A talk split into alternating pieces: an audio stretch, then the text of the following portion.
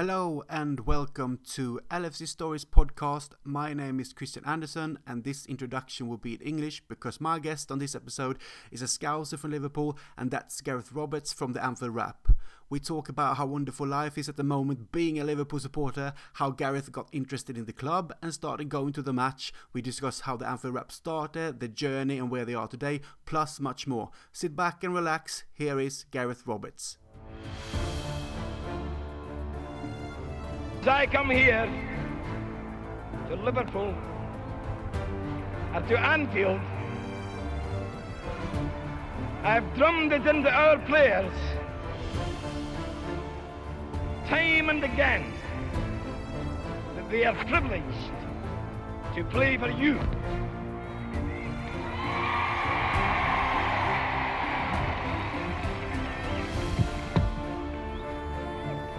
And if they didn't believe me, they believe me now. Mellor, lovely cushion header. For Gerrard! You beauty! What a head! What a head! Liverpool 3 0. Corner taken quickly, Origi!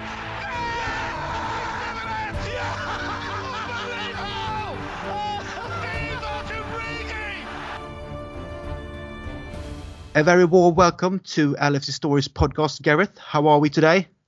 Yeah, all good, mate. I mean, we won 6 0 last night, so, you know, that always helps uh, close the gap on Manchester City. So, yeah, all, all good in, in a football sense, anyway.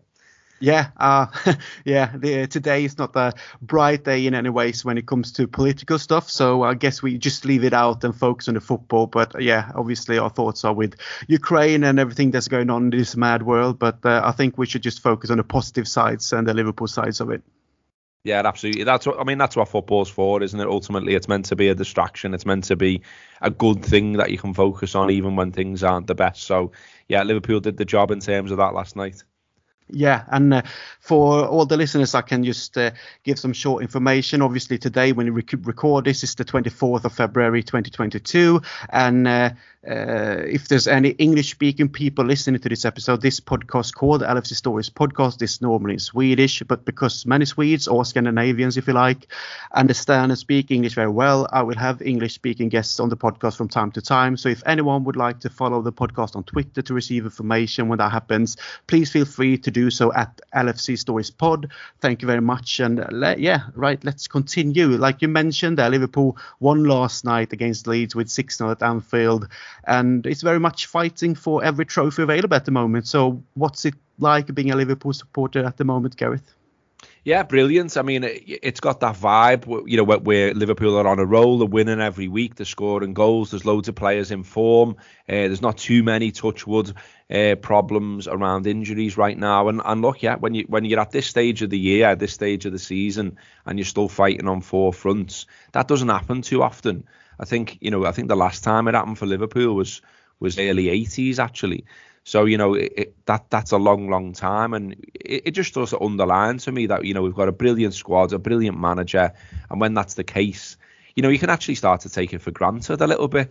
Um, you know Liverpool have gone to the San Siro twice this season and won and won well, and it's sort of you know there's a little bit of a shrug of the shoulders about it, like you know you'd expect them to type of thing. But you know that that they're two of the biggest sides in world football, sides that you've grown up watching, going, wow, look, they've got X, Y, and Z in terms of players. Now it's Liverpool with the X, Y, and Z in terms of players. You know, we've got quality right through the side from back to front, and it's a pleasure to go and watch them. So yeah, it's it's good to be around the city and around the ground and around the club right now because it's it it's all positive. It's all feel good. Obviously, we've got a cup final this weekend. Hopefully, we can win that and and the mood continues because I do I do think Liverpool is quite a an emotional club at times. Um, it's an emotional city as well, and you, you, you, sort of get on a bit of a roller coaster. That you, a vibe is created, and everyone's sucked up into it, and and drives the side along, drives the club along. And I think you know the likes of even the manager. You know the manager last night is is giving it six fist bumps pumps to the to the crowd, you know, post match, and you know it's written all over his face how much it means to him, and, and that's how much it means to to people in the city as well. So yeah, it, it's a brilliant time, mate, to be a Liverpool fan. Yeah, it could be quite an interesting uh, spring uh, with many important. Well, every game now is important, with many many uh, games that is squeezed together before the end of the season. How many how many games do you think you will be able to to go to if you're thinking that maybe you're going for Champions League games abroad and stuff like that? Yeah, I've struggled, I've struggled a little bit with the aways this season just because of finances, really. But you know, I'm always at every single home game uh, w- without fail. Um, and and yeah, you know, who knows it, eh, what what what will unfold in terms of in terms of circumstances around who we. I mean, you know, we're counting our chickens a little bit here, but we, we should, you know, we should get past into Milan. Um, and then you know, yeah. given what what happened in the first leg, so see who we get in the draw. Uh, it would be fantastic to go to a European away. That is always um, the best thing you can do around supporting Liverpool. I always think. I mean, you know, look, finals are great and stuff like that, but you know, a, a trip abroad to a to a new place, to a ground you've never been before, sampling the culture and all the rest of it. I always love that. So yeah, if I can get to a European away, I certainly will. Uh, but I might have to have a little uh, chat with the bank manager first. yeah, we all do, I guess. Uh, yeah, myself, I'll, you know, I would look into to go abroad as well if that if that opportunity comes comes up. But yeah, we'll, we'll see what happens. First, we have to, like you mentioned, we have to win uh, against Inter, even if we still lead that game. So see what happens. But really looking forward to what lies ahead for Liverpool. But uh, what what will be the best moments this, uh, so far this season in terms of uh, any game or play or goal or win, in your opinion? Oh no, no doubt about what the highlight so far for me has been. Be, being at Old Trafford to watch us absolutely batter the Mancs five 0 uh, that, that that will be very very hard to top. I mean, I, I, I don't really care when I've seen people saying it was only a one off and it's only one game and it doesn't matter. Um, it does matter. You know, we, we had to endure years of misery of Manchester United hoovering up trophies and you know winning more than Liverpool in terms of league titles and stuff like that. Uh, thankfully, they still weren't that good in Europe, so we we're still the kings of Europe. But it, you know, that was that was hard to take. And you know, I I worked in Manchester for over a decade, so obviously I was working with Manchester United fans, so they were giving me yeah. stick on the regular.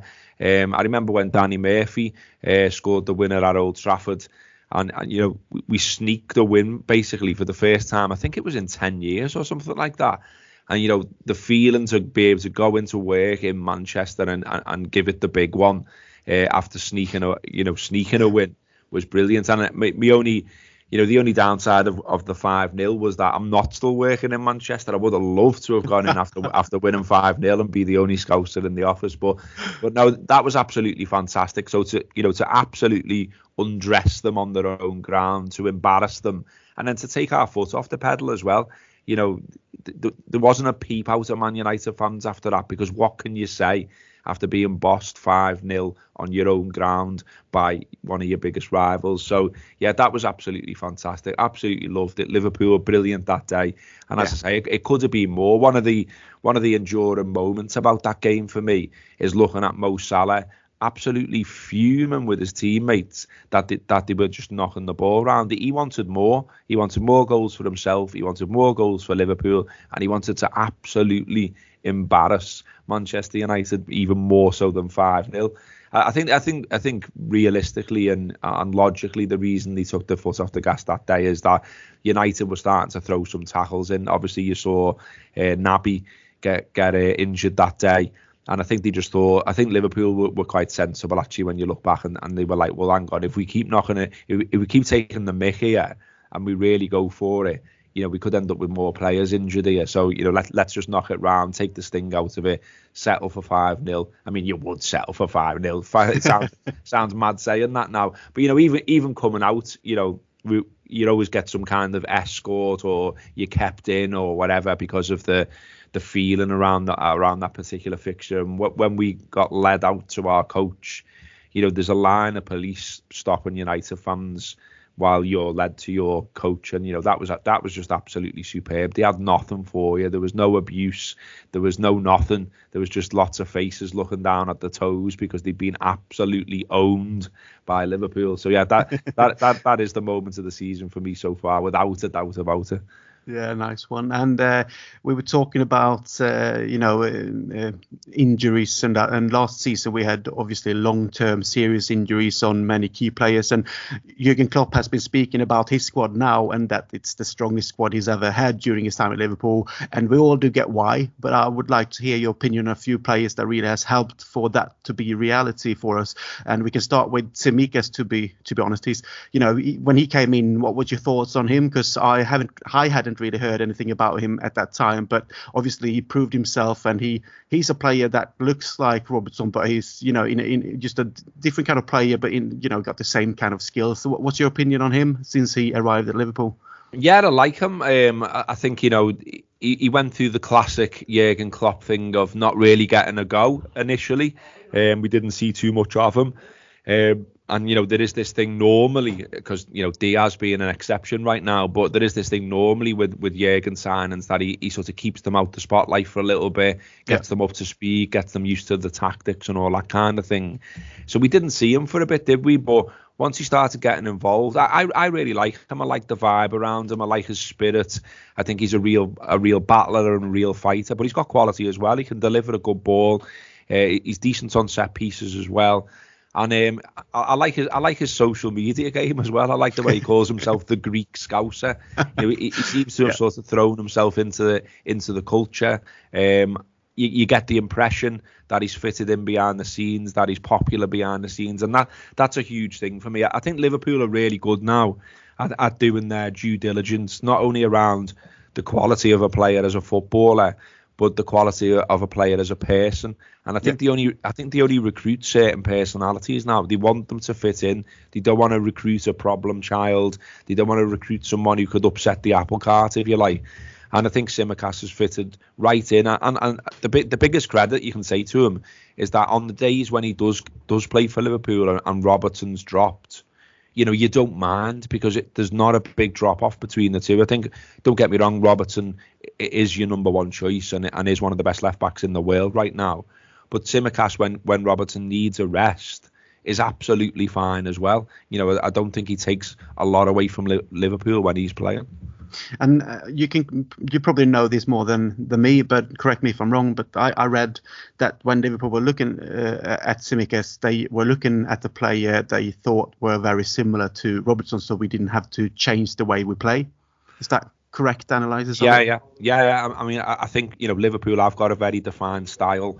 Uh, we all know what it is, and and again, I think the recruiting players that fit in with that style, and you see that all the time. And so, yeah. yeah. I mean, that's what you've got with him. He charges up and down. He's got he's got bags of energy. He's able to get forward and defend, and that's what Liverpool expect from the fullbacks. I think that, I think there's a there's a little bit of a problem currently on the other side in that we don't have a right yeah. back that is anywhere near Trent. But Trent is one of the best players in the world for me, so it's really hard to put someone else in who's who's anywhere near him. You know, and also if you're going out and recruiting someone for that that spot, you know, you've got to say to them, well, Trent's in front of you and, yeah. and I, I imagine lots of players' agents would be saying, mm, I'm not sure about that one. You might not play too much, you know. So you know, look, we we, we played um, we played at the weekend and we obviously and struggled a little bit first half against against Norwich City uh, with Joe Gomez playing instead of Trent.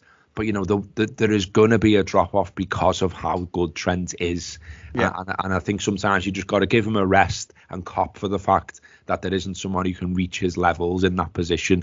Uh, but that's but that's absolutely fine. I mean, you know, look, I'm complaining here about Liverpool. We, we still got three points uh, against Norwich. We turned it round second half. Uh, we had a little bit of a scare with with the Norwich goal, but it was absolutely fine. Yeah, and obviously with Trent, he's he's a player that you know he can play wide, but also drifts a little bit central. So he's kind of deduct, you know getting the play from the central position as well. So it's it's not easy for anyone to come in and actually do that kind of job because he's he's playing his own way of football in that position as well. So it's you can't really find anyone who can do it at that level. Like you said, he's one of the best players in the world, and for me, he's the best right back in the world with a bit of you know uh, an ability to play as a, as a kind of a midfielder in the same time if you yeah, know no, what I mean. yeah, yeah. I mean, he's sort of Kevin De Bruyne, a, a, right back, isn't he? Basically. Yeah. Um, which, which, is some statement, but you know, I, I, don't think it's too over the top. He is that good. You know, the, the passes he plays, the, the passes he spots, the, the the ability from set pieces, and just the drive he's got. You know, the, I think it was was it Aston Villa where he he popped up with a late goal last season. And you know, you you were just like, well, that's the drive in him. Like he wants to win, and and that's all the way through the team as well. I mean, you know, there's a stat kicking around post the match last night. Liverpool have had 17 different scorers this season now, yeah. uh, which is matching a club record. But it's also the third time that a Klopp squad or, or a Klopp side has matched that record. I think the the previous time was 19, 11, 12 or something like that. but you know, again, that sort of shows to me, underlines to me, not only is the quality right right through the squad, but also there's a real togetherness and there's a real spirit um, because it, it would be easy for players like Joe Gomez, for instance, to be kicking up a fuss and saying, well, where do I get my go? I'm not getting my game. I'm not getting my minutes, and I want to go. And you know, and going out and doing media and doing all the stuff that we've seen in the past. But none of them, none of them seem to want to do that. They respect the manager, they respect the squad and the club. And look, one or two of them might want to move on in the summer and things like that but they also respect the fact that they, you know they've got to keep it under for now. They've got to do the job for now. They've got to play for the badge and all the rest of it, and they're all doing that. And you know, you, yeah. you think about you think about Klopp's time as a whole at Liverpool. The only time really that there's been a player who has sort of riled against Klopp a little bit was probably Sakho. And um, you know, and, and he was very quickly out the door as a consequence. And you know, he was sent home from a a, a trip abroad pre-season and things like that. So you know he, he, he won't stand for any of that. Um, and and I think again that is testament to his management because I think it's difficult in the modern day. Players know how much power they've got. They know the power of agents. They know the power of saying, well, there's interest here from other clubs. They know they, they know that they can play clubs if you like and play managers. So you've got to be an incredibly strong figure to challenge that, but also get the respect of everyone while you're challenging them and um, that that's what Jurgen Klopp does, and that is the brilliance of the man. Yeah, and you mentioned Joe Gomez before. You know, we, we saw him playing against Norwich, and he did a great job, even though it's not Trent. But you know, he has have has um, the injuries uh, as well. You know, he probably and you know would have been playing more if it wasn't for that. But then also uh, going forward to the next player, Konate, who came in, you know, being a central defender as well, taking a spot from Joe Gomez. Uh, what do you think about him since he arrived? Yeah, he's been good. I think he's had one or two moments where he, he's looked a bit shaky, but I think that's understandable.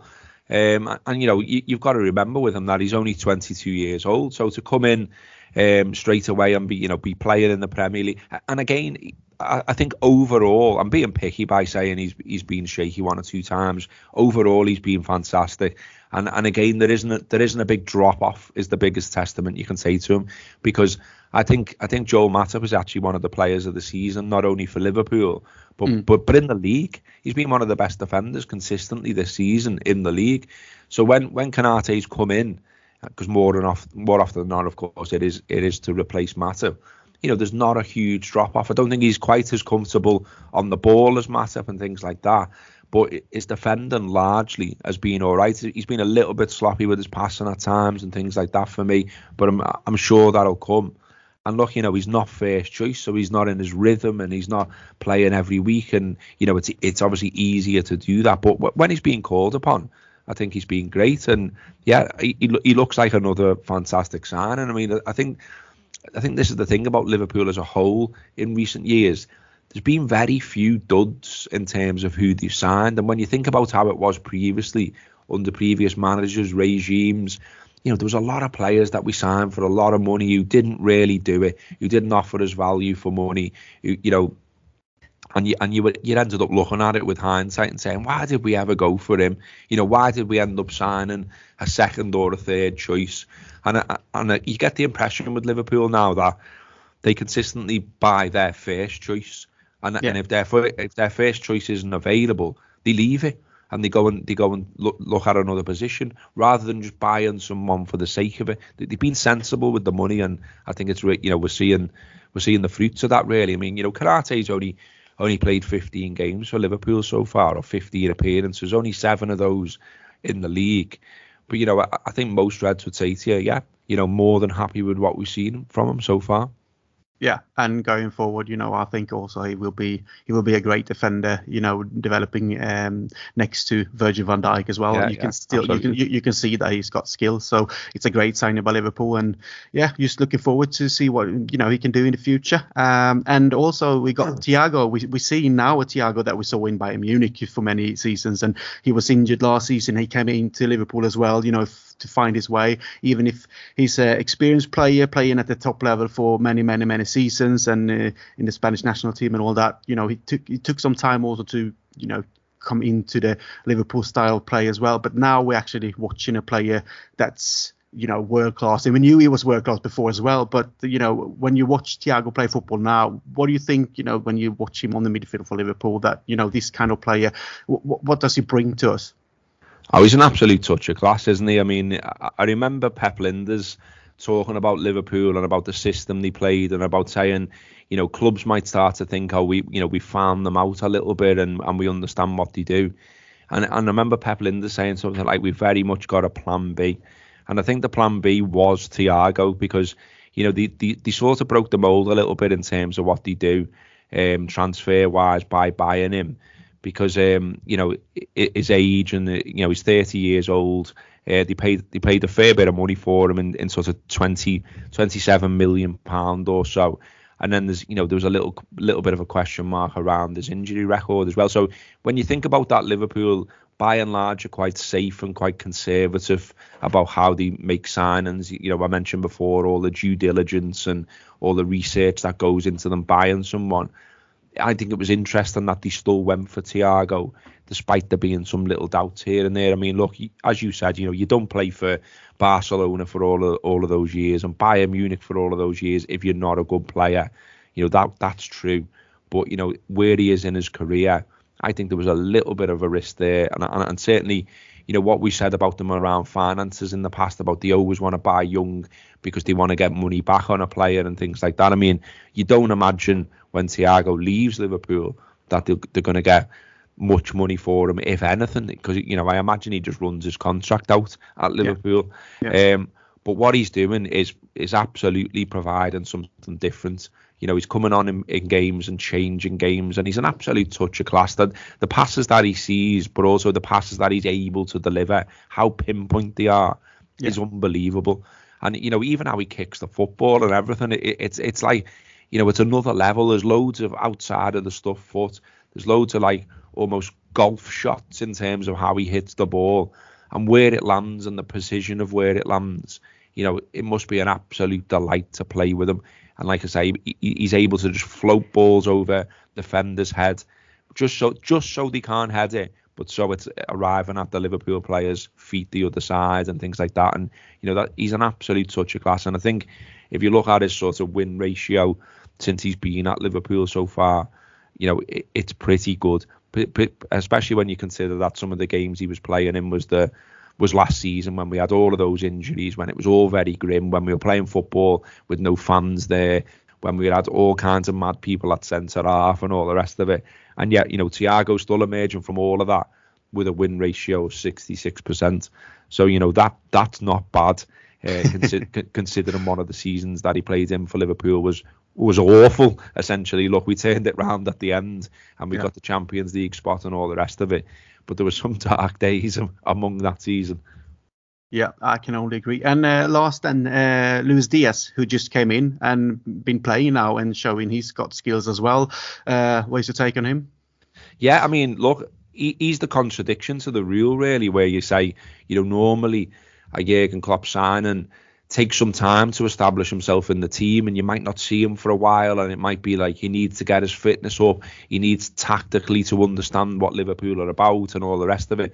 He's just come in and looked like he's been playing for Liverpool for years and that's the biggest testament you can make to him. And and and also the league wise as well. I mean how often have we said well, he's going to need some time to acclimatise to the Premier League. You know, it's a little bit tougher, obviously, than the than the Portuguese league. He might be on the end of some rough treatment. All of these things that we always say as like established truths about about the English league, but.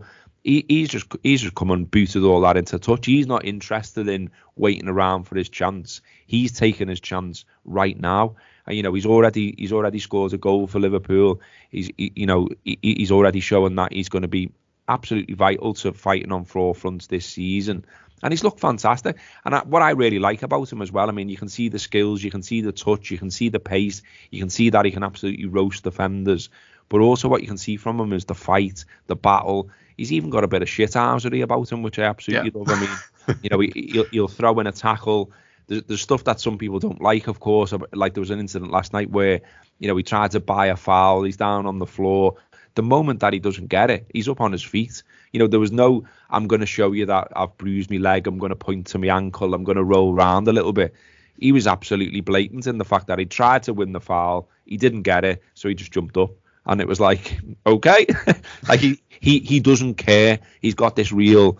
You can tell he's got a fire in him. He's got a battle in him. And and again, that goes back to the type of players that Liverpool buy. I mean, you know, you look at Mo Salah, you look at Sadio you know their backgrounds, their story, the the countries they've come from, the dedication that they've had to have to reach this point in football.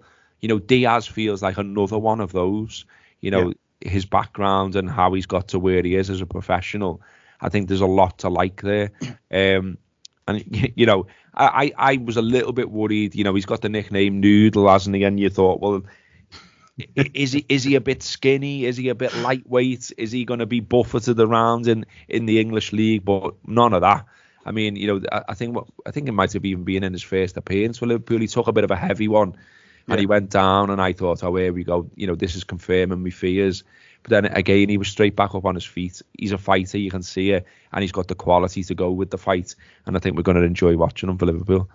Yeah, can only agree. Uh, what we've seen so far has been brilliant, and like you said, he scored a goal, and he he, he making runs, and he's you know asking questions to the defenders and all the time. So I think he he will um, get some more goals before the end of the season, and uh, then we can look forward to the next season with him as well, being even more adapted into the the Liverpool way of, of playing.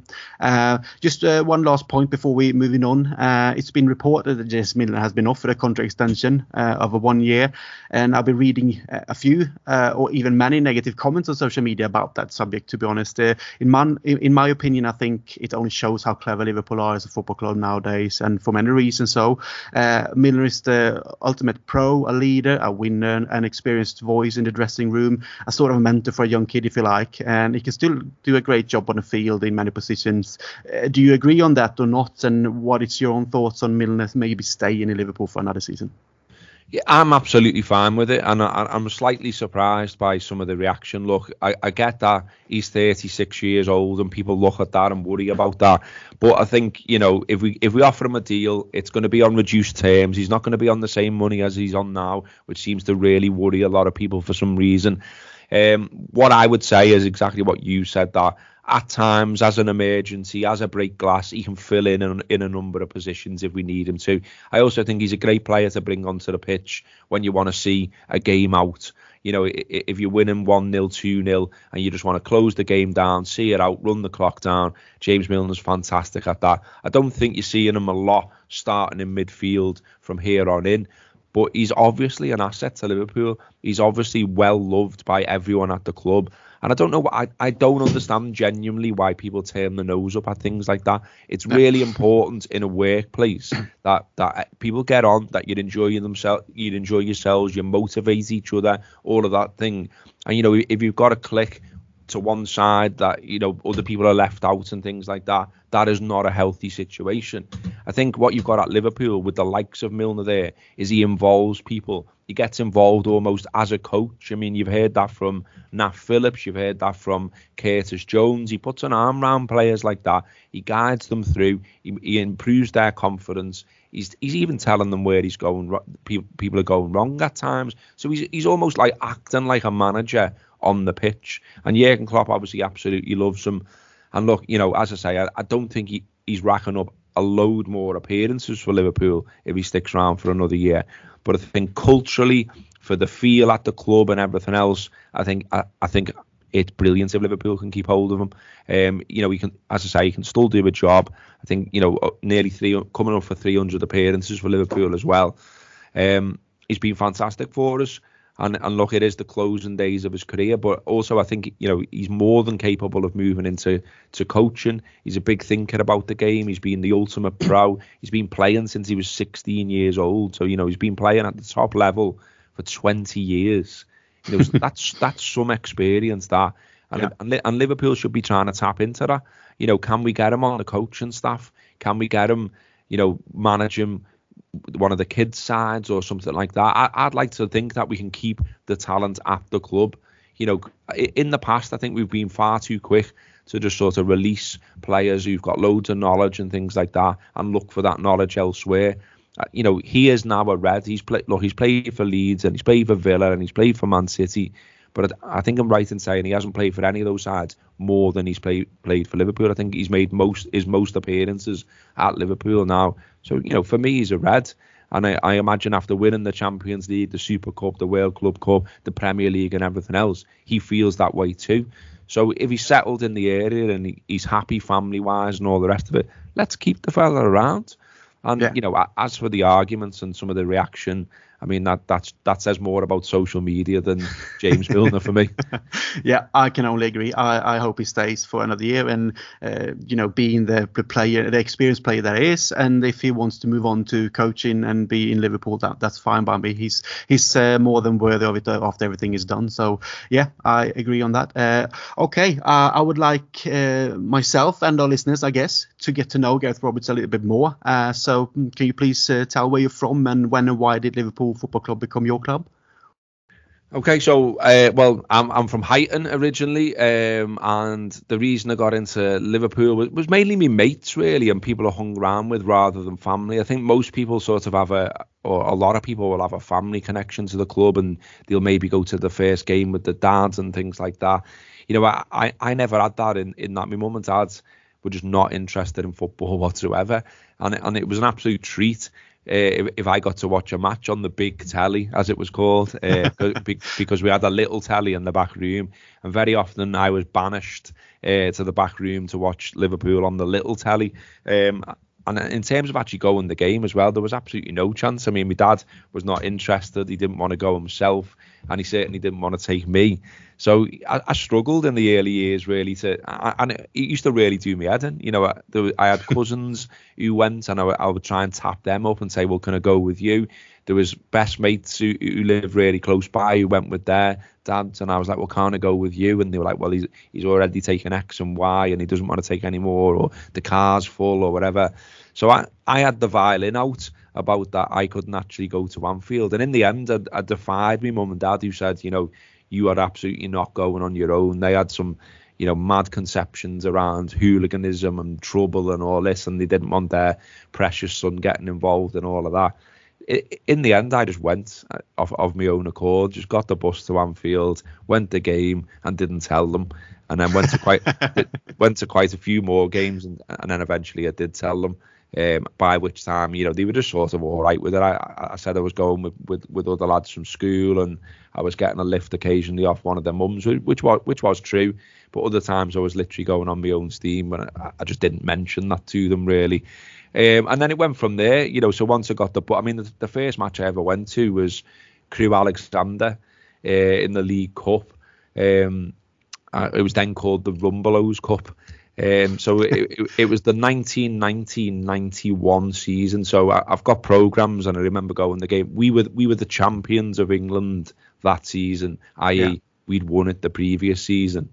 But then that was it, you know. Like I started going the game, and we just didn't win the league, and it was like people, you know, some of my mates were like, "It's you, it's you, it's your, you're a jinx." So I, I, I witnessed every one of Liverpool's seasons that they didn't win the league you know, so that. It, so your, your, first season was the first season after Glenn Hysén, the Swedish defender, was there to win it then.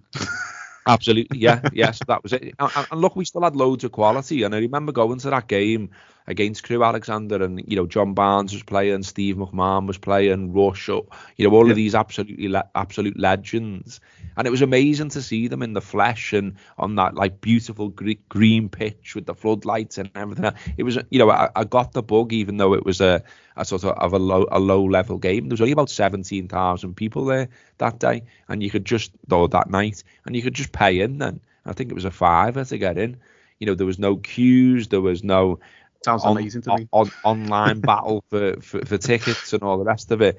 it. I mean, football just simply wasn't as popular then as well. I think it's worth saying. So you know now, you know every every every game pretty much sells out at, at Anfield and more, even even games yeah. in the league Cup and stuff like that.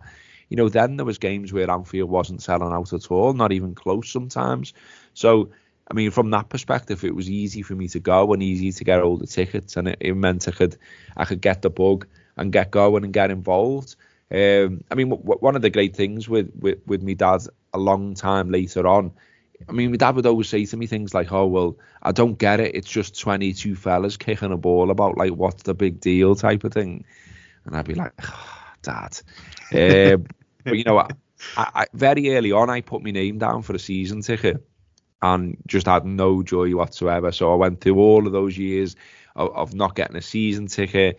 I paid whatever. The, there was a, a year where you had to pay a fee to stay on the season ticket waiting list, and that was supposedly when Liverpool were sorting it out, and because it was all a bit of a mess. Um, so I, you know, I paid to stay on there.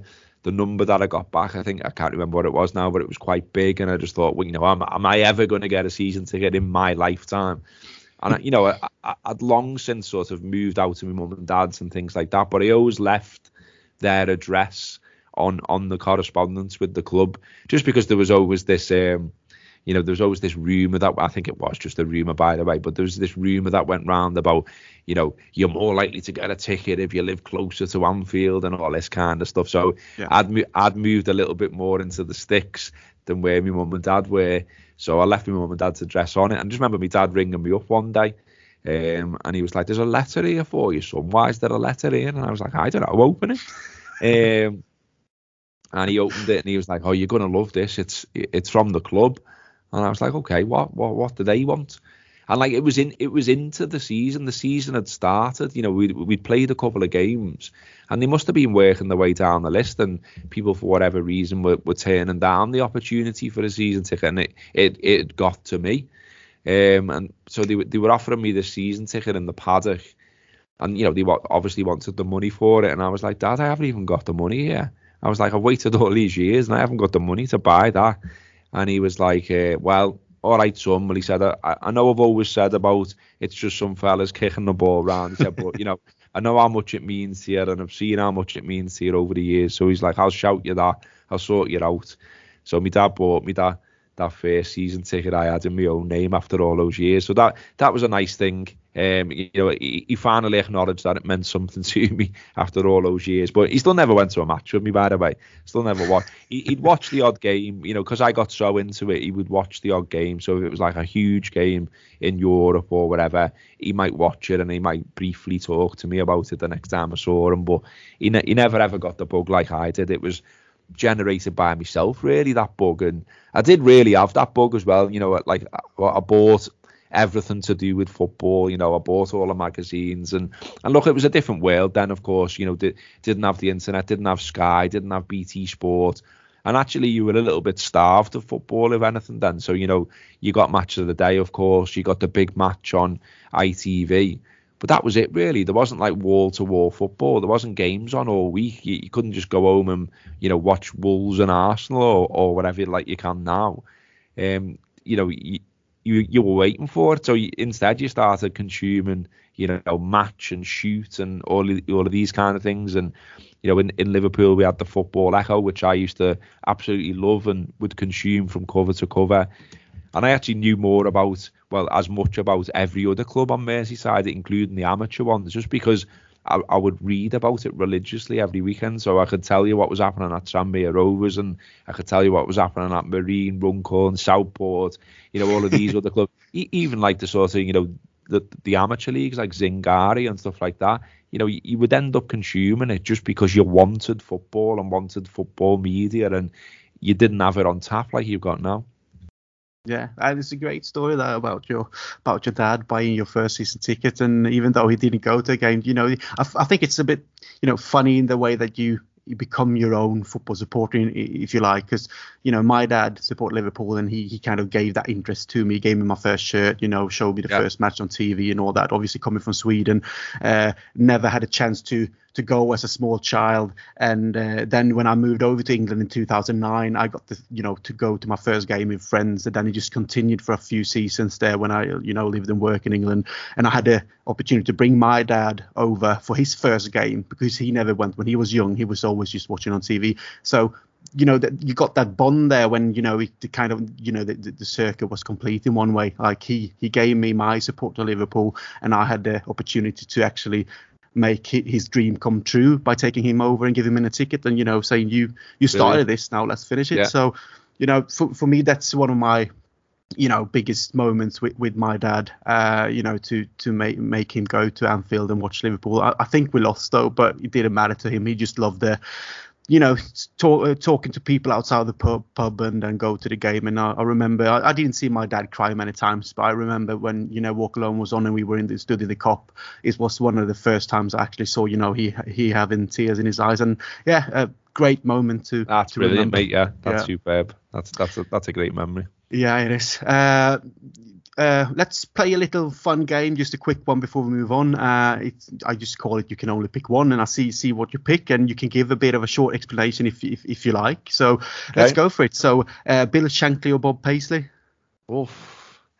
Tell you what, that's a difficult one, isn't it? You put me on the spot there straight away. I mean, obviously yes, Bob, yes, Bob, you know, Bob absolutely hoovers up the trophies, doesn't he? And sort of takes on what what Bill did and, and, and turn Liverpool into a great club and a great force in Europe and you know three European Cups, isn't it, under uh, under Bob Paisley's watch? But um, I'm going to go for Shankly though, um, just because I absolutely love I, lo- I love the Shankly story and I've always been immersed yeah. in it. And look, you know, it was before my time, but I just love I love the romance of it. I love I love him. You know, I love watching old videos of him and you know, I love the books and the, you know, I, I, consumed everything about Bill Shankly, and I still love him now. I, I still, you know, when he's going on about like, you know, a, a player who wouldn't put it in, and you know, I, would put him in jail, and it's like, well, that that's a bit harsh, Bill, to be honest with you, but.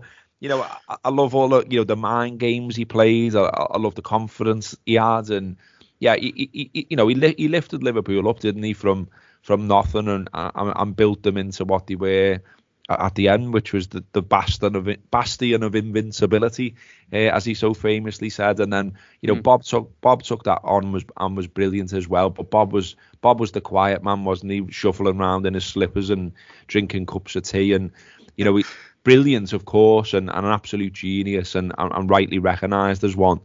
But you know, for me, for me, I, I, I love the I love the balls of Bill Shankly. I love the stuff he come out with. I love how he used, you know, one of the he must be surely one of the first managers who who used the media in the way he did as well, and used psychology and you know just sort of motivating everyone for a for a common cause all the time. So yeah, Shankly for me. Yeah, nice one. Um, Kenny Dalglish or Steven Gerrard? Oof again. Oh, you, you really put me on the spot with these again, aren't you? I mean, Kenny. That's, Kenny the, that's brought, the whole point of it. Yeah, I don't know. Yeah, I mean, Kenny was obviously, you know, one of my heroes when yeah. I was growing up. Um, albeit that you know, like I was only very young, um, but you know, 1986 when he when he was player manager, took us to the double, scored at Chelsea, you know, and then and then we beat Everton in the FA Cup final. You know that that season's what one of my cherished memories. And look, I wasn't going the game then, but you know, I was just, I was a Liverpool fan, and I absolutely loved that season. And I love I love you know giving stick to Evertonians in my street and at school and all the rest of it because you know Everton were a good side then. You know Everton. Everton could have won the double that season, but but then it ended up being Liverpool, and yeah, Everton actually beat us in the derby that season in the league as well. So yeah, I, I, love Kenny, and, and Kenny's a genius. And you know, there's there's a video I think I've probably still got it somewhere, which is sort of wore out as a kid, a VHS of uh, of Kenny called a uh, "Portrait of a Natural Footballer." Um, and, and, and I, I, loved watching that. Loved his goals. There's still loads of Kenny goals now that you know will pop up on social media or on YouTube or whatever that I absolutely love. I love the one. I think it's Goodison Park. Um, only a couple of minutes in and and Kenny hits this brilliant shot, and it just sort of skims across the gra- the grass right into the corner, and it's an absolutely superb goal. So obviously, you know, he's in he's a genius, Kenny, and, and what he did for the club around Hillsborough as well, he he went above and beyond. And you know, to the detriment of his own health and the detriment of his own mental health. And I, I think when we look back now, You know, it's different times now. We have conversations about mental health now. Mm. Then we didn't, and, and then you know he was seen as but in, in, some quarters as well why is he just walking away from liverpool like that why is it? but you know now well it, it, it's post-traumatic stress it's it's it, you know imagine what he went through that day at Hillsborough and subsequently going to all those funerals, etc., etc. Yeah. You know, having the weight of of Liverpool, the city, and the club on his shoulders at all times. You know that that that's immense stress and immense stress, uh, immense pressure. So you know, rightly he is honoured forever in Liverpool history. But I think I think Gerrard's got to edge it for me just because I saw the I saw the journey of Gerrard from start to finish as a match going fan. Uh, with with the added spice for me personally that you know he's he's from over the road from where I grew up. You know, I I, I delivered newspapers to to his to his road as a kid. Uh, my my one of my best mates' brothers uh, was in Steven Gerrard's class in school at Huyton in Huyton. So you know, there's all that. There's there's that romance that he's a lad from this who walked the same streets as me, who went yeah. on to you know, lift the European Cup for Liverpool. He absolutely lived the dream that we all wanted to live. So for me, I'm going to say Gerrard for those reasons because you know I, I was there in Istanbul, um, and as I say, I, I, followed him every step of the way. I was at the game when he come on as a sub to make his debut against Blackburn in that massive shirt. I was there when he scored his first goal against Sheffield Wednesday. Um, you know, so I, I, was there in Dortmund. I was there, you know, all, all, the games in 2001 when Gerrard was central to that. I was there for the FA Cup final against West Ham when he scores that unbelievable goal, and you know that that that's that's the Gerrard final, isn't it? And uh, and again, rightly yeah. so. So you know, brilliant for Liverpool. Obviously, goes without saying. So yeah, I'm gonna uh, gonna give that one to Gerrard. Yeah, he's my hero as well. Uh, you know, uh, was probably about 12 years old or something when he made his debut and was with the journey as well all the way through and had the privilege to watch him live uh, during the season I, I, lived in England. So um, Steven Gerrard for me as well, even if I obviously love Kenneth Dalglish and everything about him as well. Um, uh, Salah or Suarez? That's easy for me to be honest with you. It, it's definitely Mo Salah. Um, yeah. I um, I obviously enjoyed watching Suarez, um, and his talent was unbelievable. Some of the goals he scored was unbelievable.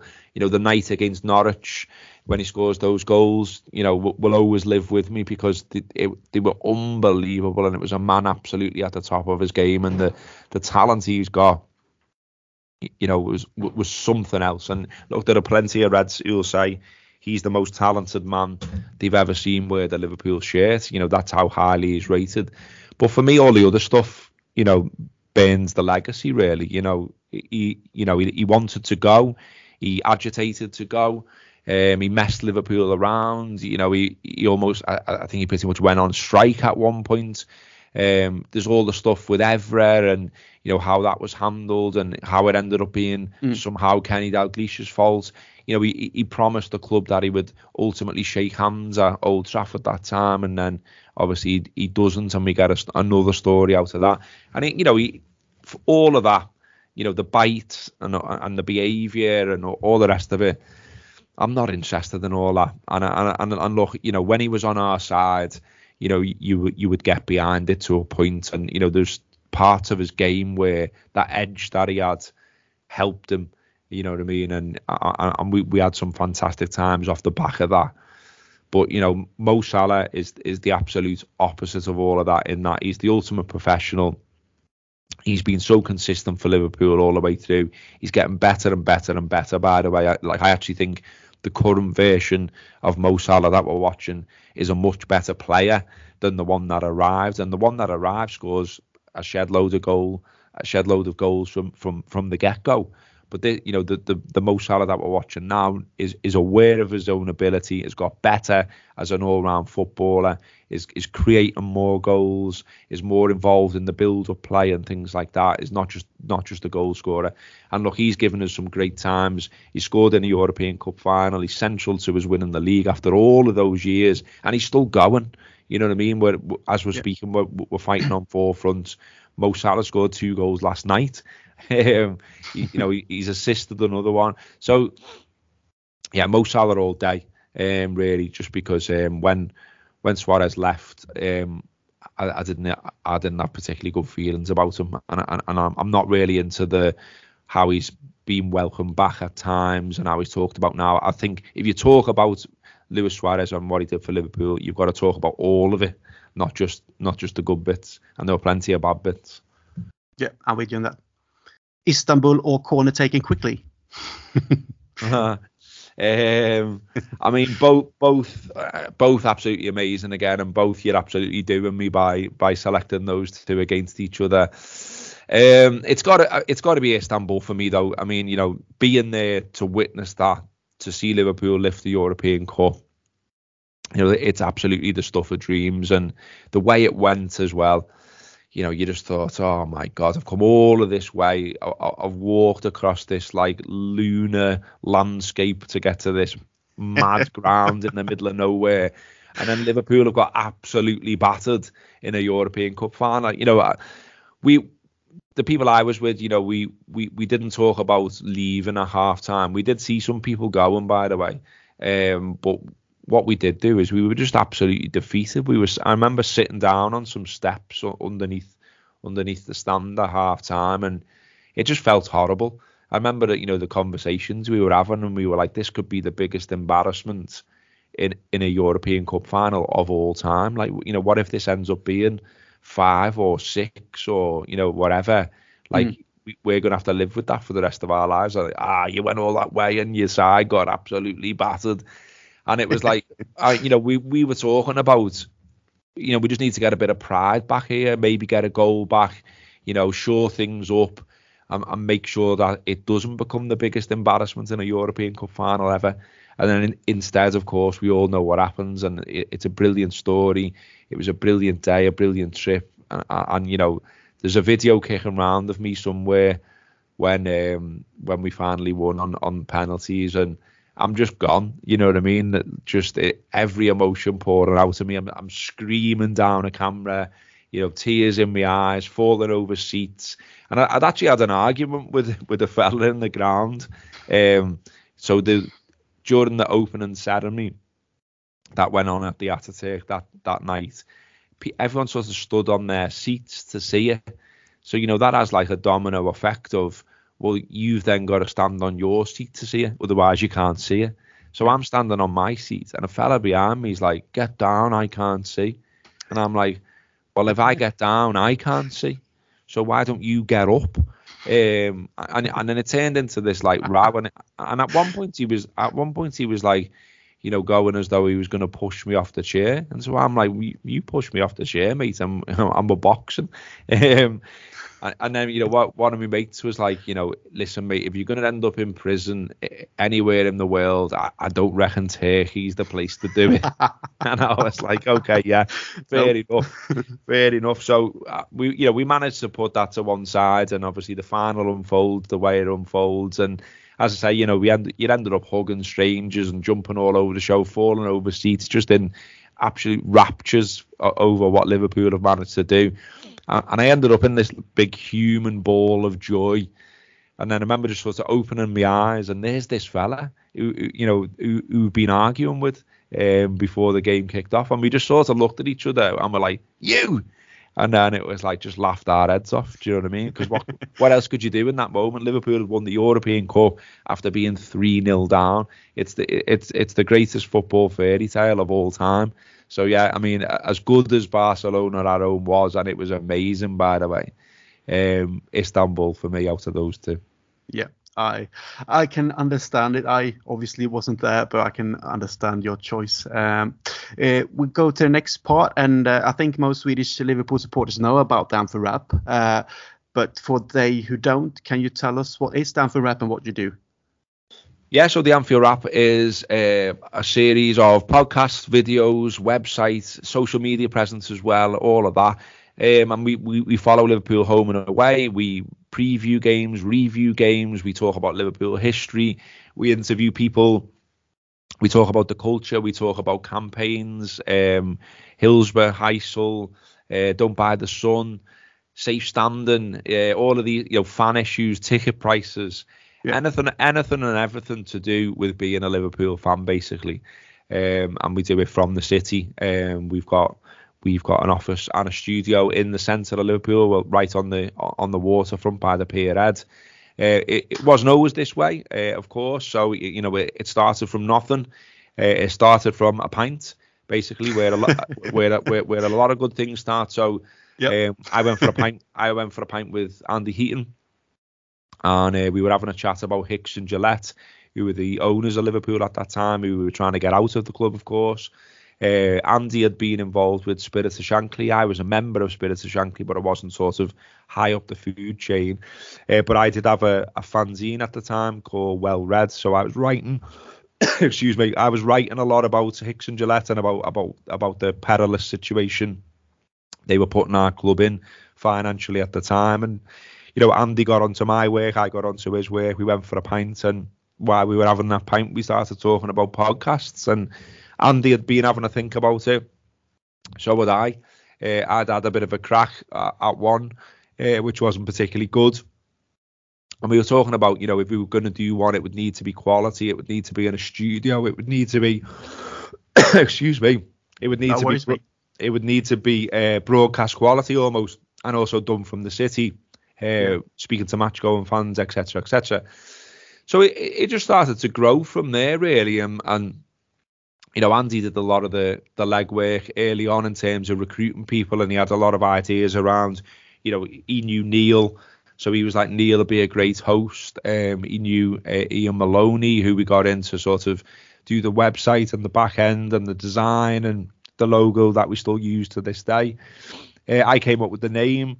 I did a lot of the work early on uh, around the website in terms of getting stuff in, editing it, putting it up on the website, um, having ideas around content and that type type of thing. And, and we just went from there. And uh, you know, we were quite proud of it from day one because we wanted it to be a, a bit of a big deal. We didn't want to just sort of put a holding page up or something with one article on. We we the day we launched there was 10 to 12 articles on there, I think, from day one. And the first podcast went went really well. Excuse me, frog in the throat. Um, it went really well. The, the first podcast, really good feedback. Um, we got a lot of feedback on the um, Red and White Kop forum, which was which was big for us in terms of helping to distribute what we were doing.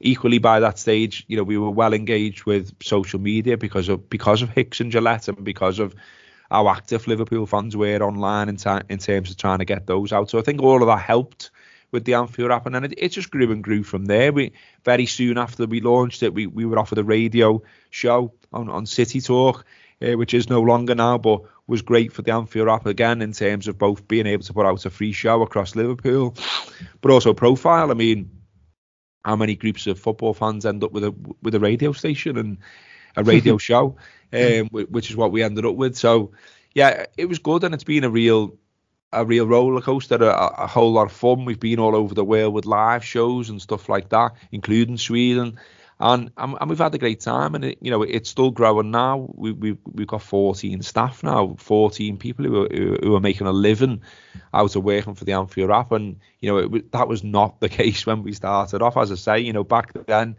you were giving up your own time, you were working late into the night. Uh, you're working at weekends to make it work, and it was us putting money into that when we first started out. So you know, I was me and Andy etc. We were paying for studios, paying for hosting for the website, that type of thing, and now we're here we are at the other end of the journey where you know it, it is our living and it, it is how we pay the bills which is absolutely fantastic and the support we've had from all over the world has been brilliant all the way through uh, as i say lots of people got on board from day one and lots of people who were on board from day one are still on board now so that support has been unbelievable and has, has been what we've been able to build it all upon. And we've been lucky as well in terms of, you know, we've had some great Liverpool sides uh, while we've been doing this. So, you know, we had a real journey under Brendan Rodgers and went close to the title then. Um, we've obviously won the European Cup, we've won the league. Uh, all of those things help if you're trying to run a business that is talking about football. So, yeah, it's been fantastic to do. Um, it, it's it, it really has, and yeah, it's um, and look, it's a pioneer as well. I think you know we we should talk it up, and we should all be proud of what we've done because you know we the first to to turn it into what it, you know a subscription model and that kind of thing. And we're still one of the biggest ones in not not only these shores but you know Europe and uh, and even beyond perhaps. But because it's focused only on Liverpool, I think sometimes people don't look at it that way. But you know, it, it's a big deal what we've done, and, and we're all really proud of it. And it is down, as I say, to the excellent support we've had from Liverpool fans from day one. Yeah, rightly so. I listen into the Anfield Wrap and I think it's brilliant. And for whoever Swedish fans who hasn't listened to the Anfield Wrap, please do so. You won't be disappointed. I would say it's uh, it's great content on there, whether it's uh, videos or podcasts or, or articles. So I think it's a great job that you're doing, Gareth. So good on you for that, and hope it continues you, for very long time. Uh, I'm going to let you go soon, but I'm just going to ask uh, uh, one more question. It's about the atmosphere at Anfield. It's been discussed in many forums. Uh, sometimes we know it's great, uh, especially on the, Champions League nights and under the, flood, the floodlights. And some games might be a bit dull and quiet. It been uh, you know blamed on the early kickoff times or maybe their uh, you know support is coming in from other countries the tourists if you like um, uh, what is your opinion on that now when you know Liverpool's been for a long time a global phenomenon as a as a you know football club and thousands of thousands of people are coming to Liverpool to to Anfield every season I, I just think with the atmosphere debate, it, it, you know, the atmosphere debate has existed for as long as I've gone the match. Um, and there will always be different takes on it, and people will offer reasons for why or what's good or what's bad. What I would say is that pre Jurgen Klopp, there was genuinely a time where we a lot of Reds who'd been going the match for a long, long time were saying, "I think it's gone now. I think I think the days where the atmosphere at Anfield really blew you blew you away have gone." And, a lot of people supported that view. Um, Jurgen Klopp came in and he's genuinely reignited that atmosphere. He, he's talked about it himself. He, you know, you, you go back to the Crystal Palace defeat um, way back when, when in, in the early days, when he was like, "Why are people leaving?" He's yeah. taught, you know, he's not being scared to take on the fans and say, you know, you need to get behind your team, and and that needed saying, I think. And then, you know, you, you think about the the brand of football and some of the games we've had we've had some absolutely brilliant nights at Anfield under Jurgen Klopp. Um, you know, Dortmund, you mentioned Barcelona before. We obviously, you know, the the game against Manchester United when we finally sang, you know, we're going to win the league and things like that. It, it, it always helps if you've got a good side and a good manager, I would say. And I think you're right to bring up things like kickoffs and stuff like that. They they don't help.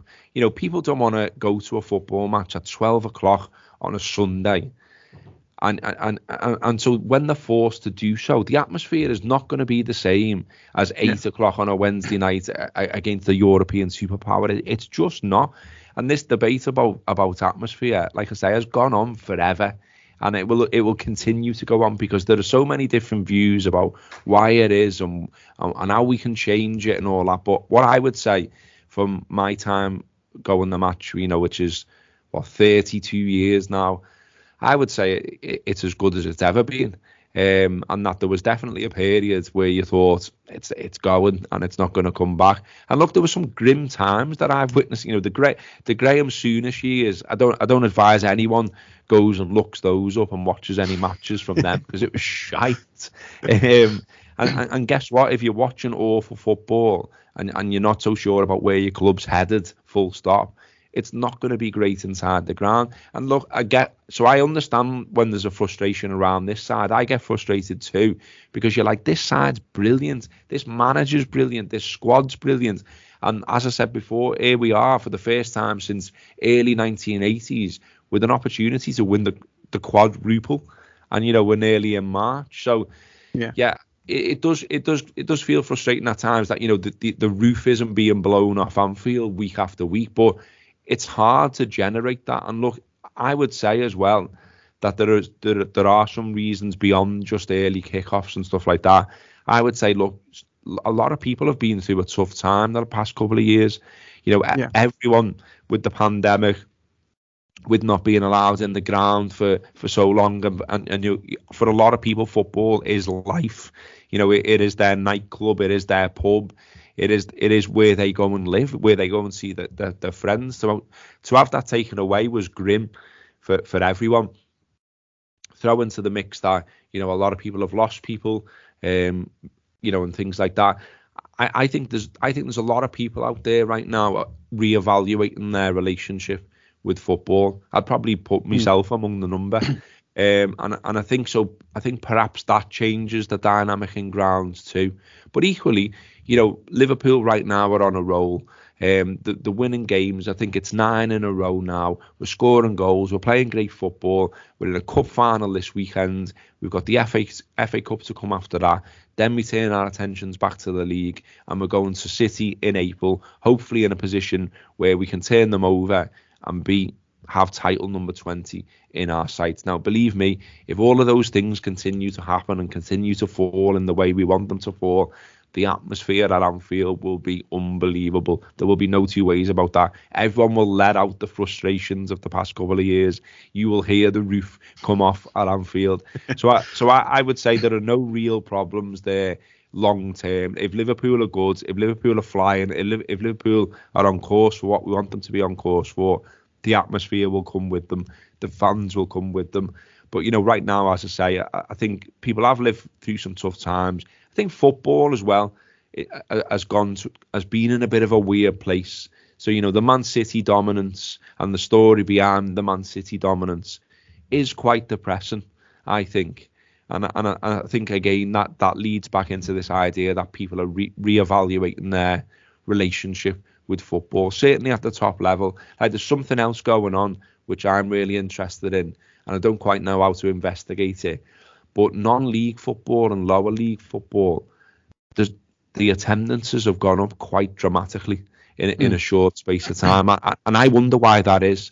Is that people trying to rediscover a, a purer form of football where, you know, a, a state hasn't come in and bought everything and, and, and, you know made it so skewed. I, I don't know. Is it because you can have a pint at, at non-league level? Is it because you can go with mates at, at, at a lower league level? I don't mm. know the reasons. It's probably all of those and more. But I think that's interesting as well because I don't, you know, it, it's as though they're seeking something that they're not getting from the Premier League. That they're not getting, you know, because it is hard to go the, the match with your mates at, at Premier League level, and it shouldn't be you know, you shouldn't be dotted all over the ground. You should be able to go together.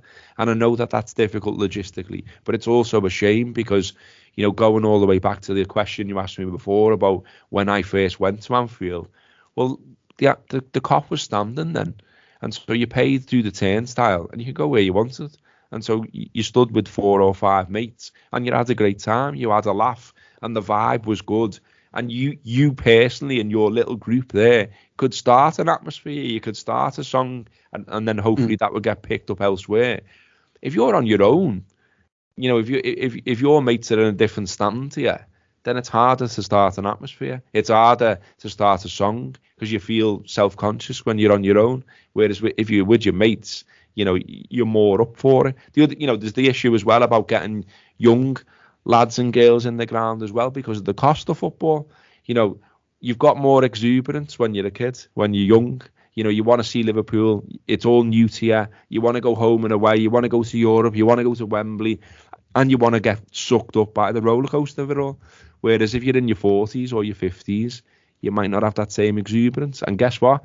The Kop is absolutely full of fellas in the 40s, 50s, 60s, and beyond, and I'm one of them. Um, and some of us are miserable bastards sometimes, and and it, again that is not conducive to an atmosphere. But listen, you know the the direction of travel around safe standing and sections around that, I think will help. Uh, there has been a move to get more, you know, younger fans in the ground. We, there's been the scheme around the L postcode tickets and things like that, which have been much cheaper. All of the all of those things are a step in the right direction. So, you know, fingers crossed it all helps. But as I say, ultimately, if Liverpool are good and if Liverpool start winning things and if Liverpool are on course for a 20th league title, well, the roof will go off. Don't worry about that. Yeah, that's a great way to end this chat. Nice one, Gareth. Uh, I'll say thank you very much for you uh, speaking to me on the LFC Stories podcast. It was a great fun, and I hope we catch up again soon. Yeah, thanks for having me on, mate. Cheers. And to the people out there, thank you for listening. Until next time, take care of each other. Bye.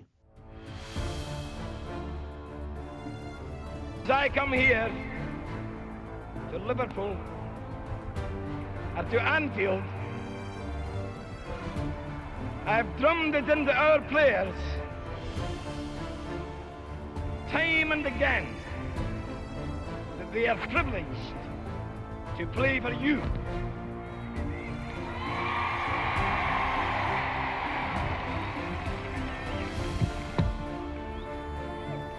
And if they didn't believe me, they believe me now.